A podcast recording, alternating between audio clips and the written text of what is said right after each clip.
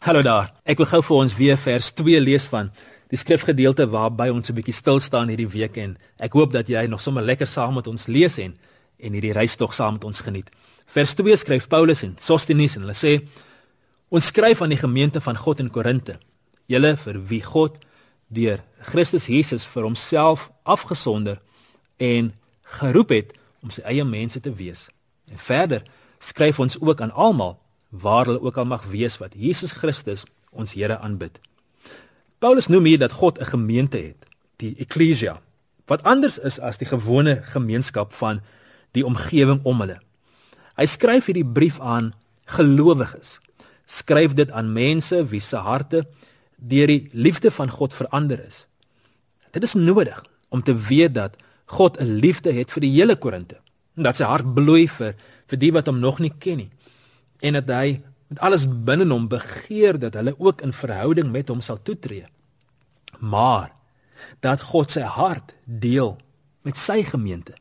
Dat hy sy planne deel met die mense wat in verhouding staan met hom. Dat daar 'n spesiale band is tussen God en sy kinders. Ek hou van hoe Paulus dit stel. Die gemeente van God. Ons as gelowiges behoort nie so seer aan ons plaaslike gemeentes nie hoe hoe kosbaar en hoe uniek en belangrik daardie band ook al is net soos die band tussen individuele gesinslede binne in 'n gesin uniek en belangrik en kosbaar is. Maar ons behoort in die eerste plek aan God. En jy het nodig om dit te weet vanmiddag. Selfs daar waar jy dalk nou met vakansie is en jou welverdiende blaaskans geniet jy behoort aan God Hy het jou gekoop met sy bloed. Sy gees woon binne in jou en jy is 'n draer van sy lig en sy waarheid en sy lewe indien jy jou lewe oorgegee het aan hom. Dalk is jy nou in 'n in 'n groot stad en en wou jy eerder by die see wees.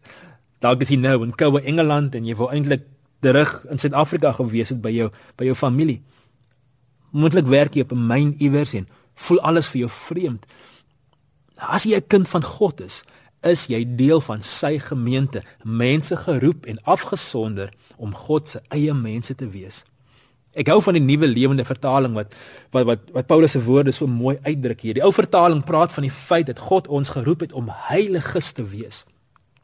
Ons is geroep om om nie noodwendig anders aan te trek op 'n Sondag of ons godsdienstige take doen vir 'n uur of twee en dan so nou en dan 'n skietgebed op te sê of om 'n kollekte in die kollektebordjie te gooi en dan aan te gaan met ons lewens nie. Nee, ons is geroep om afgesonder te wees, heilig teenoor God. En dit beteken om God se eie mense te wees, om sy DNA binne ons te hê, sy gemeente wat anders is as die wêreld om ons.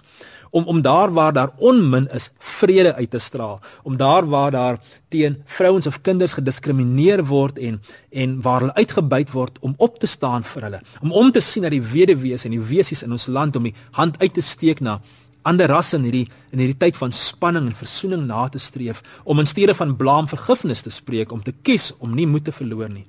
Om ons leiers te respekteer al verskil ons van hulle om die liefde en genade van God wat ons ontvang het uit te leef aan ander om ons.